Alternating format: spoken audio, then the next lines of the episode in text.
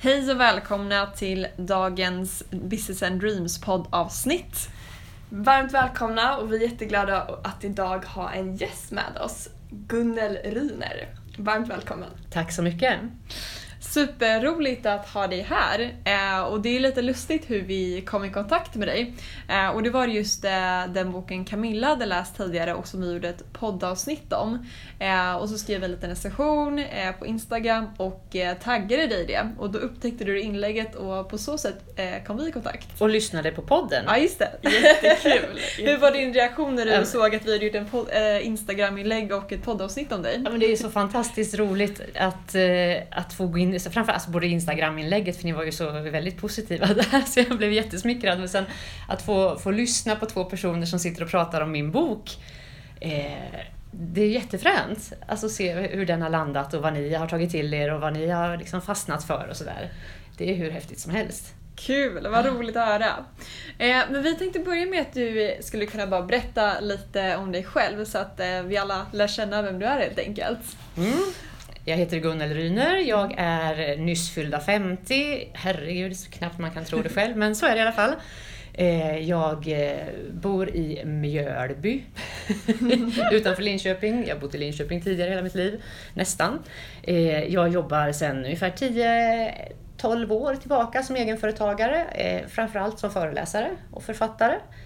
Så jag skriver två böcker och min tredje bok på gång. Och ja, reser land och rike runt och eh, talar. Mm. Vad kul. Framförallt. Leder en del workshops, ledarskapsutbildningar, lite sånt också. Men väldigt mycket föreläsande. Mm. Just det. Och hur kom du in på liksom, ämnet om självutveckling och personlig utveckling? Egentligen så har jag nog angripit det från andra hållet. Alltså jag var kanske mer intresserad av utveckling av grupper, organisationer, mm. ledarskap och så.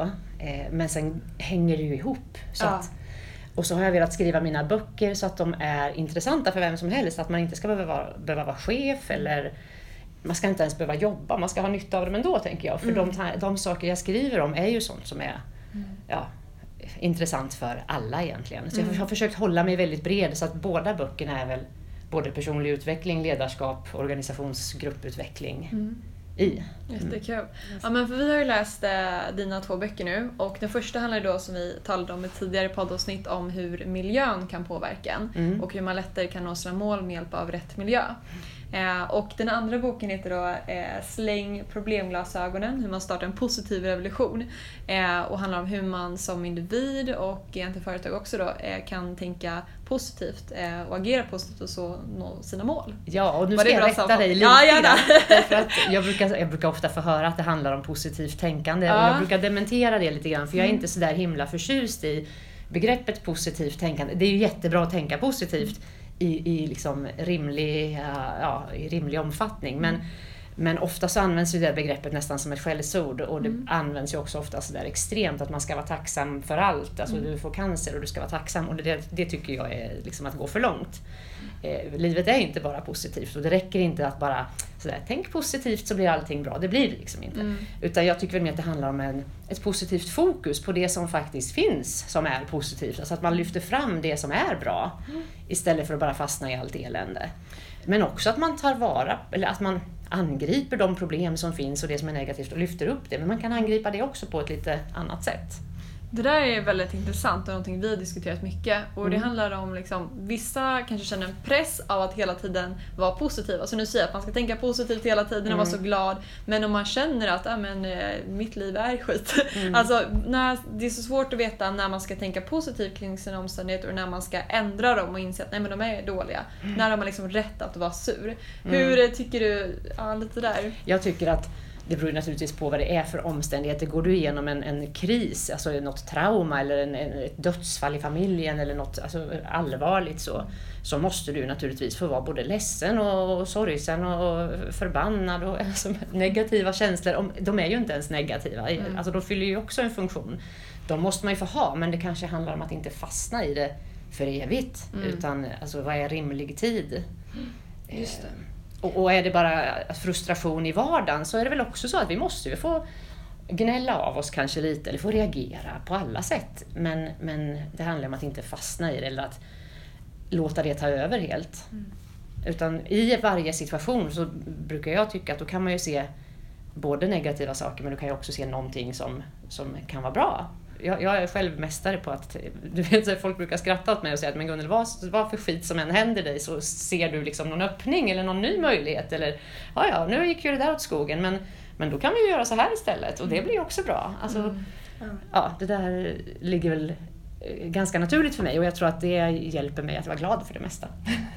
Men det är väldigt bra sagt att man ska då acceptera de här, om vi klassar dem som negativa mm, känslor, mm, ledsen, mm. arg, men att man inte ska fastna i dem. Mm. Um, hur tror du man enklast gör det? Är det att sätta en konkret tidsbegränsning eller att att på något sätt eh, reflektera över vad jag håller jag på med lite då och då så att man lägger märke till att nu, det här är ju liksom inte eh, fruktbart eller konstruktivt. Det här för ju inte mig framåt överhuvudtaget. Mm. Jag tror att man måste bli lite mer självmedveten och börja inse att, för jag kan ju också älta sånt som är negativt naturligtvis, men jag är ganska duktig på att inse vad jag pysslar med. Och, och, så. och egentligen brukar jag tänka att det finns inte varken positiva eller negativa känslor. Mm. Det finns konstruktiva känslor eller tankar. Ja.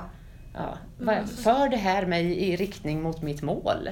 Det. Hjälper det här, de här tankarna eller känslorna mig? Eller, borde jag försöka tänka lite annorlunda. Mm. För att ibland kan det vara så att det behöver inte vara något, något stort som hänt än. Vissa människor bara går runt och är lite smått irriterade på allt i ens vardag. Mm. Eh, och jag tycker du skriver väldigt intressant i eh, boken om eh, slängproblem i glasögonen att att lyckliga människor har förhållandet 3-1 i positiva versus negativa tankar. Mm. Så de har ofta tre gånger eller fler eh, positiva tankar än negativa tankar. Mm. Eller känsloupplevelser, ja, men precis. det hänger ju ofta ihop. Ja, exakt. Ja, våra tankar påverkar våra känslor. Ja, mm. precis. Och där kanske man borde rannsaka sig själv och tänka, men hur, en vanlig dag, hur mm. mår jag egentligen? Mm. Vad tänker jag för tankar kring min omgivning? Mm. Och vad är det jag väljer att fokusera på? Vad lägger jag min energi på?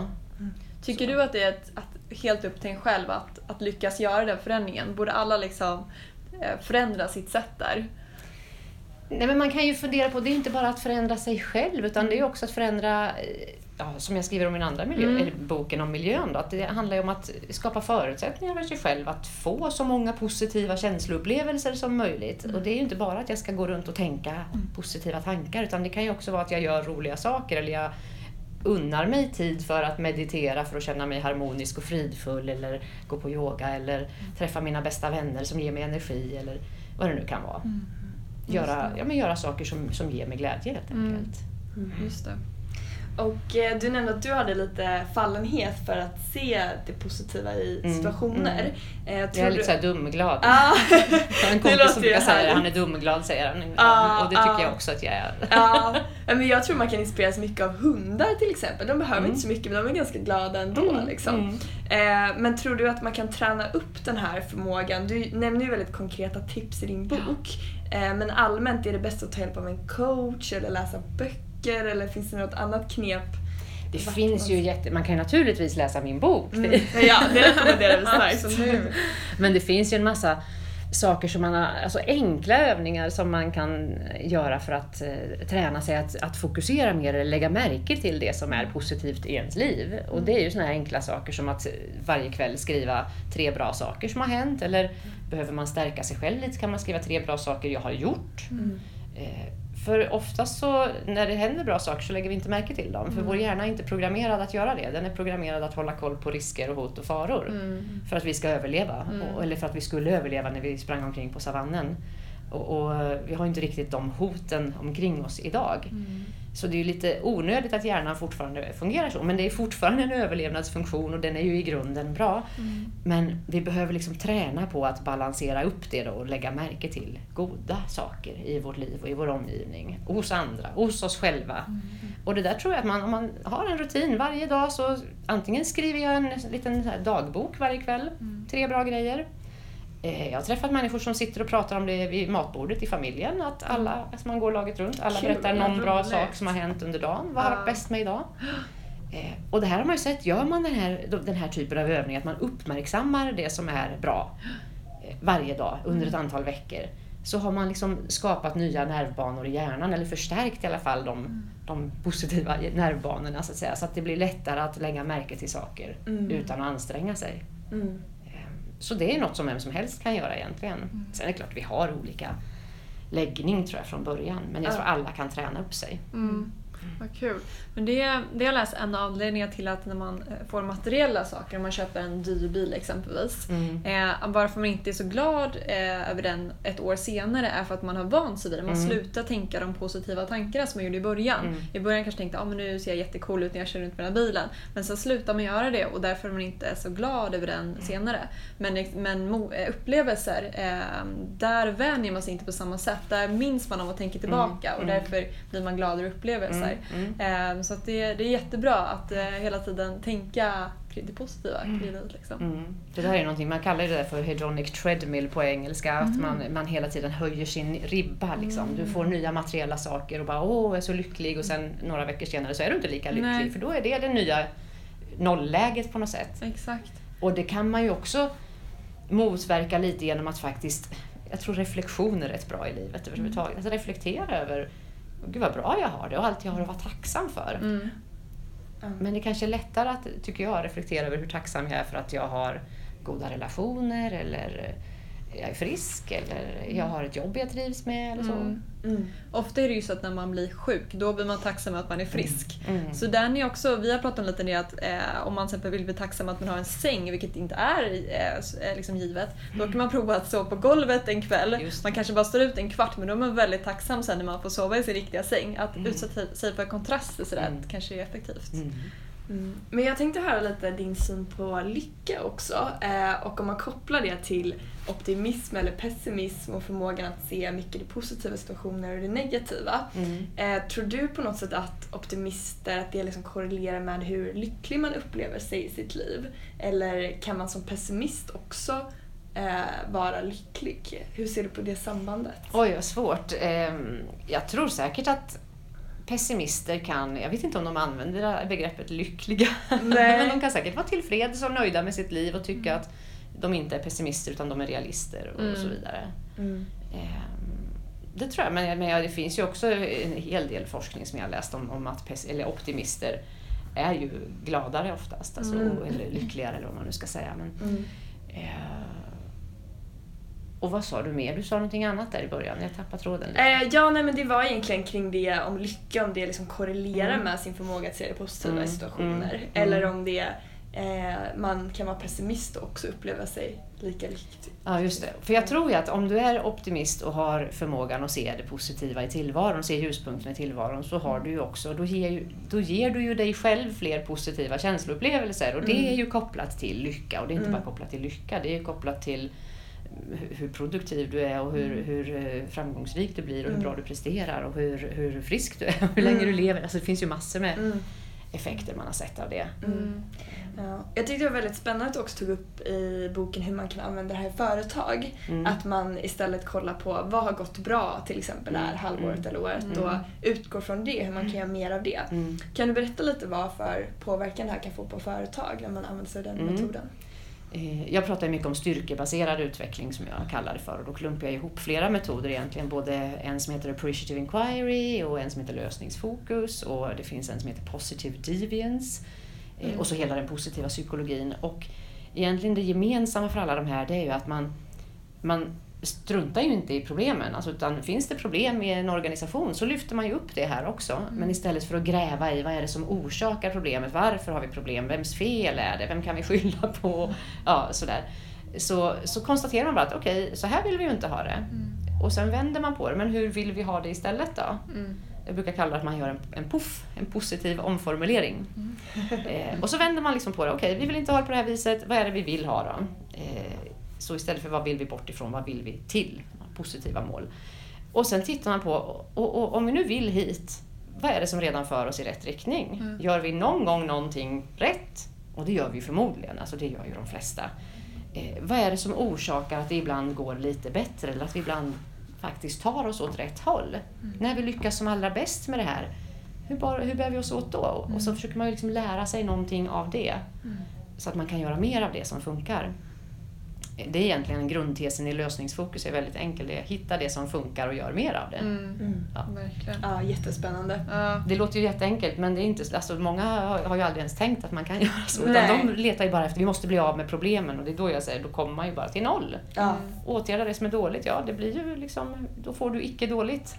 Precis. Det som du nämner i boken också att om man, har, man får punktering eller på bilen mm. då kan man gå från negativt neutralt till åtgärda det problemet. Men det är en annan sak att göra en organisation när det gäller mm. människor. Mm. Eh, att man istället fokuserar på på vad som går bra mm. och efterlikna det istället. Mm. Och det var också en positiv avvikelse, att man sätter ett namn undernärda barn. Att man såg de som var väldigt väl, välnärda, om det heter ja, min, De som var minst undernärda Minst undernärda och såg mm. vad de gjorde bra och kan efterlikna det istället för att få de andra till neutralt. Då, Just det. Ja. ja. Och då är det ju också så att det här med att bara åtgärda problemen, mm. det är ju jättebra när det handlar om teknik, mm. som du sa med mm. bilen. Så det ska man ju inte sluta med. Nej. Jag har föreläst för typ flygprovsingenjörer på, mm. och, på Saab eller på andra eh, kvalitetsmänniskor eller felletare i datasystem, ja. IT-system. Det är klart att de ska leta problem.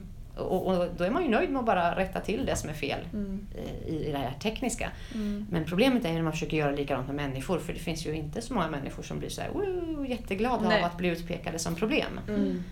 Vi vill ju känna oss liksom duktiga och stolta och glada. Vi vill ju känna att vi gör ett bra jobb och då Mm. behöver vi få liksom, mer fokus på vad, som vi, vad vi faktiskt gör rätt. Ja, men som du skrev också att om det var någon arbetsplats där man fokuserar på stress, att alla var så stressade.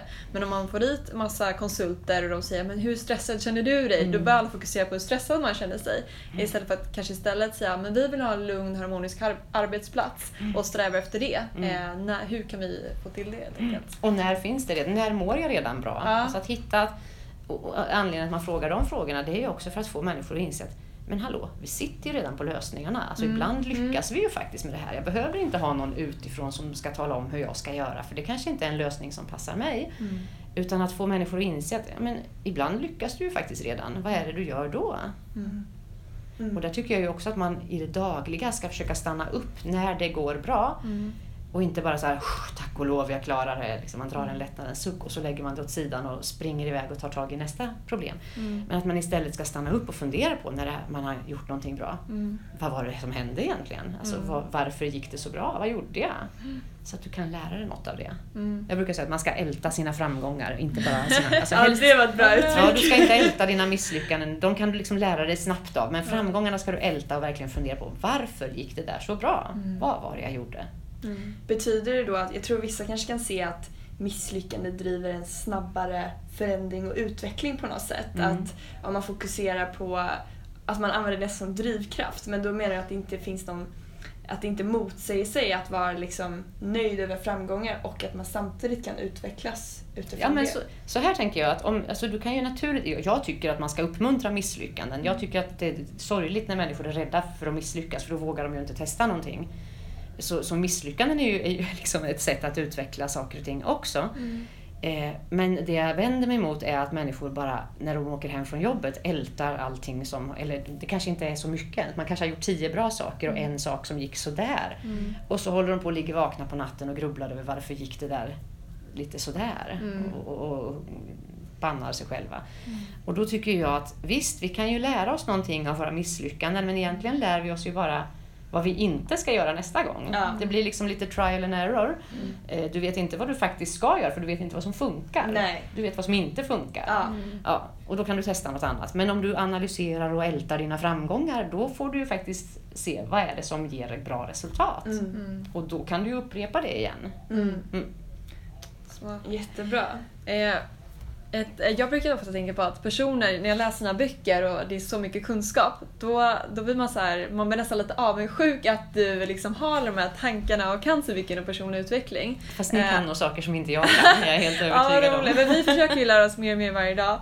Eh, och så. Men jag tänkte höra, sen du blev intresserad av personlig utveckling, hur har mm. ditt liv förändrats på det viset? Har du blivit lyckligare ju mer du lär dig om liksom ditt psyke och så? För det tror jag är målet för många, mm. att bli en lyckligare person när man lär sig om allt det här. Jag tror det. Jag, dels har jag nog taggat ner lite och, och sådär, sänkt kraven på mig själv och, och eh, tycker nog mer om mig själv som jag är och tycker att, det, att alltså jag är helt okej okay som mm. jag är. Det kanske kommer med åldern också, tror jag. Mm. Att man taggar ner lite grann sådär. Mm. Jag bryr mig inte så mycket om vad andra tycker eller mm. så. Och sen så tror jag väl också, mycket av det här som sagt är väl så att jag hade, det, det låg naturligt för mig i min läggning att jag är en väldigt positiv person. Naturligtvis kan jag älta och klaga och mm. kritisera och sådär också. Men jag, jag, är liksom i grunden en rätt positiv person.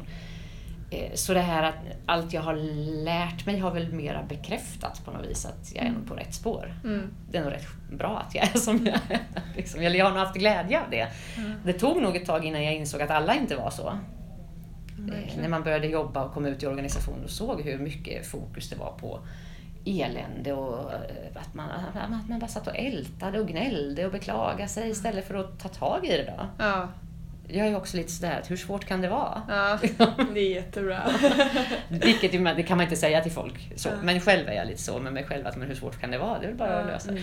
Så. Men man måste vara lite mer varsam när man pratar med andra människor. Ja, det inställning. Ja, men det gäller ju att ha respekt för andra människor liksom, och deras känslor och svårigheter mm. naturligtvis. Mm. Men jag tyckte, det som jag fastnade för i boken om eh, att delegera till miljön, det var för att många andra böcker om eh, att utveckla sig själv handlar om att man ska kontrollera sina tankar. Mm. Och här var det snarare att du kan designa din miljö så att du beskriver att det blir som en rutschkana mot ditt mål istället mm. för berg. Och anledningen förstod jag är att man inte behöver använda sig lite, lika mycket av viljestyrka när mm. man ska genomföra sina uppsatta mål. Kan du berätta lite om hur fungerar viljestyrka och vad, liksom, mm. jag förstår det som att det förbruk, förbrukas men när fylls den upp igen och sådär?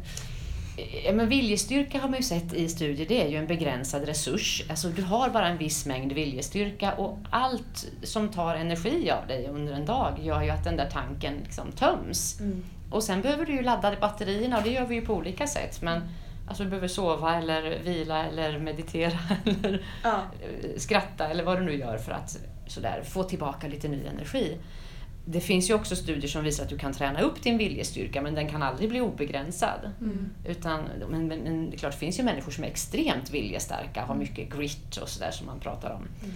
Eh, men där varierar vi ju lite. Men, men grunden är att du kan inte ha hur mycket viljestyrka som helst, den tar slut ju mm. mer du använder den. Och det behöver inte vara stora utmaningar du ställs inför. Jag skriver ju i boken om det där experimentet där man utsatte människor för att de fick sitta med ett fat med kakor mm. framför sig som de inte fick äta av och då presterade de sämre. De orkade liksom inte fullfölja sen när de fick en uppgift. Mm. Medan de som hade fått äta kakor eller de som inte hade fått fram något fat med någonting alls, de presterade mycket bättre. Mm. Men de här som hade fått sitta och titta på kakor och, och uppbåda sin viljestyrka och sin mm. självdisciplin för att låta bli de här ja, då hade de tömt mm. resurs eller tanken. Mm. Eh, och det där är ju rätt spännande att vi får ju tänka på liksom, att vi, vi kan inte bara kämpa oss fram i livet och tro mm. att allt ska hänga på, våra, eller på oss själva. Mm. Och det är det jag tycker att det mesta av den traditionella personliga utvecklingen har fokuserat på. Jag tycker man har glömt bort miljöns eh, påverkan, att det, hela det perspektivet har liksom fallit bort ganska mycket. Så det är därför jag skrev den boken, för jag ville visa att det är lättare att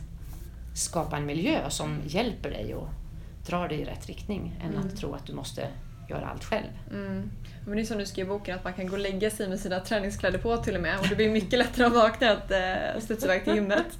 Men Camilla skickade en bild till mig igår kväll, hon har gjort sitt eget hemmakontor också som du mm. skrev lite om i, i boken. Eh, du kan ju berätta själv. Ja exakt, Nej, men det var en sån åtgärd jag gjorde efter att ha läst boken, att om jag vill motivera mig själv till att jobba helg eller kväll. Ja. Att det blir mycket enklare om man gör liksom en mysig jobbhörna mm. än om att det är ett kalt skrivbord och sängen är designad som att den ser jätteskön ut. Ja, så, att man, så att man gör liksom, eh, jobbplatsen den mest inbjudande platsen i lägenheten. Mm. Eh, så då gjorde jag som en sån liksom, ja, liksom la ut saker som motiverade mig till det beteendet. Mm. Så annars skulle jag ju bara förlitat mig på min viljestyrka. Precis. Eh, så, vad kul! Vad, hur, vad gjorde du? Eh, jo men jag, jag la fram liksom en fin så här, anteckningsbok och penna och doftljus och sen kom te. Alltså gjorde det och så fick det se mer kontorigt ut. Jag ställde upp även ett tidningsomslag där vi på omslaget, det är lite pinsamt kanske, ah. men det är för att motivera mig att liksom mot mina mål mm. och sådär. Mm. Um, så det var en sån ganska konkret åtgärd jag gjorde och som verkligen fungerar tycker jag. Um, att designa en miljö som liksom triggar det beteendet. Mm. Så man, som du säger, automatiskt liksom glider dit. Precis, det ska ju vara ja, att miljön gör det lätt att göra rätt. Liksom. Miljö, miljön ska ja, dra dig i rätt riktning, göra så att det du vill göra, det gör du också. Och hindra dig från att göra det du inte vill göra. Typ, om du inte vill äta godis så göm godiset eller ha Ja. inte godis hemma. Liksom. Ja. Ja. Jätteintressant. Eh, Jag tänkte det också gällande viljestyrka. Det finns det här kända marshmallow-experimentet Mm. eh, där man eh, ser om barn lyckas strunta i en marshmallow nu för att få två stycken senare. Mm. Och då när man följde upp experimentet så visade det sig att de som lyckades göra det, de var mer framgångsrika i livet än de som inte lyckades. Mm. Jag tänkte höra, vad tror du är viktigast för att bli framgångsrik eller nå sina mål? Är viljestyrka en av de viktigaste egenskaperna, eller vad tror du? Ja, Nej, då skulle jag ju säga emot min bok om jag sa det. Ja, miljö kanske... Eh, jag tror Också. naturligtvis att viljestyrka och driv, det är klart att det är, bidragande faktorer. Att Mm. har du det så kommer du naturligtvis längre än om du inte har det. Mm. Eh, Beroende på vad det är du vill åstadkomma förstås. Om du tycker att eh, måttet på ett framgångsrikt liv är att du har fått vila så mycket som möjligt och Ja. haft det skönt och legat i hängmattan eller på soffan och pillat naveln. Ja, då kanske du inte behöver så mycket driv. Men, Ja. men i ert fall så gissar jag att ni vill mer. Mm. Alltså yrkesmässigt, ni har en massa karriärambitioner och då Mm. måste man ju ha driv Mm. och viljestyrka. Mm. Mm. Så, men sen kan ni ju göra det lite lättare för er genom att skapa en miljö också så att ni slipper fullständigt slå knut på er själva. Mm. Liksom. Det är jättesmart. Och någon som inte har så mycket eget driv eller viljestyrka, men den kan ju också göra det lite lättare för sig genom att det, är väldigt, alltså det viktigaste är kanske vilka människor man umgås med. Mm. Mm. Du kommer ju smittas av de personerna, du blir ju som Mm. dem. Det kan gälla allt från matvanor, hälsovanor till karriärambitioner eller vad det nu må vara. Mm. Så, så vill du också göra karriär men du inte har så mycket driv så se till att umgås med Vendela och Camilla. här. Nej men det är som du säger, det kan användas åt alla håll. Det kan ju vara så snarare att ens mål är att sova mer, så man ska göra Mm. sängen ännu mer inbjudande. Eller Mm. liksom att Mm. det, man kanske har utmaning åt det hållet också, att eh, man behöver vila mer. eller Precis. sådär. precis. Så att det kan verkligen användas på båda sätt. Och det är väl som du säger att man kanske ska kombinera det lite med miljö och kanske även sitt, sitt, eh, sin inställning och tankar och sådär. Ja, men vart, eh, när du lär dig om det här, har du några favoritböcker eller andra inspirationskällor du tittar mycket på? Eller vart hämtar du inspiration från? Oj, jag läser, jag läser ju jättemycket. Jag läser ju mycket framförallt om det här med styrkebaserad utveckling. Eh, så gjorde jag ju massor med research inför den där boken och eh, det är ju mest amerikansk eller brittisk litteratur så, eller ja, väldigt lite, finns inte så mycket på svenska. Och om positiv psykologi och alltså positiva förändringsmetoder överhuvudtaget. Vet inte om jag har någon favoritbok. Eh, men, men nej, jag har så, må- det är så många så Ja. jag kan säga någon sådär. Det finns en bok som heter eh, Solution Focus at Work, tror jag den heter. Eller också heter den bara Solution Focus. Eh, som jag tycker är jättebra. Eh, det finns en annan bok, en, en professor som heter Alex Linley som har skrivit om det här med att ta vara på sina styrkor. Nu tar jag bara några som poppar upp så här. Ja. Eh, och den boken heter eh, Average to A+. Mm. Ja. Eh, så att istället för att vara en medelmåtta, se till att bli din, ditt bästa jag verkligen. Ta vara på dina styrkor. Den är också himla bra tycker jag. Mm. Den andra boken, den här miljödesignboken den som heter Den lata vägen till ett fantastiskt liv, den eh, grundar sig på en coachingmetod. Jag har jobbat mycket med coaching, det sa jag inte så mycket från början. Men det var ju egentligen mina första kanske fem sex år som egenföretagare var det nästan bara coaching. Och då var jag också lärare på en amerikansk coachingskola och därifrån hämtade jag det här hela tänket kring att designa sin miljö. Det fanns en det. kurs om det där som jag blev helt såld på. Jag gick Mm. hem och förändrade allt i mitt liv. Liksom. Bytte ut människor omkring mig, flyttade, jag gjorde om hemma. Ja men verkligen så. Wow. Började fundera på vilka människor har jag i mina nätverk och Mm. hur ser det ut runt omkring mig.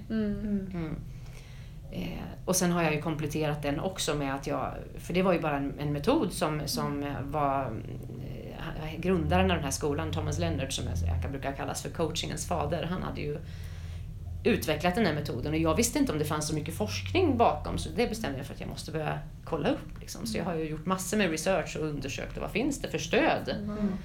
Och det fanns det ju Ja, det det. visade sig ju. Jag har ju ju ett av kapitlen i boken är ju bara forskning från alla möjliga områden om hur vi påverkas av vår miljö. Ja. Och det gör vi ju mycket mer än vad man, man nu ofta tänker på. Ja.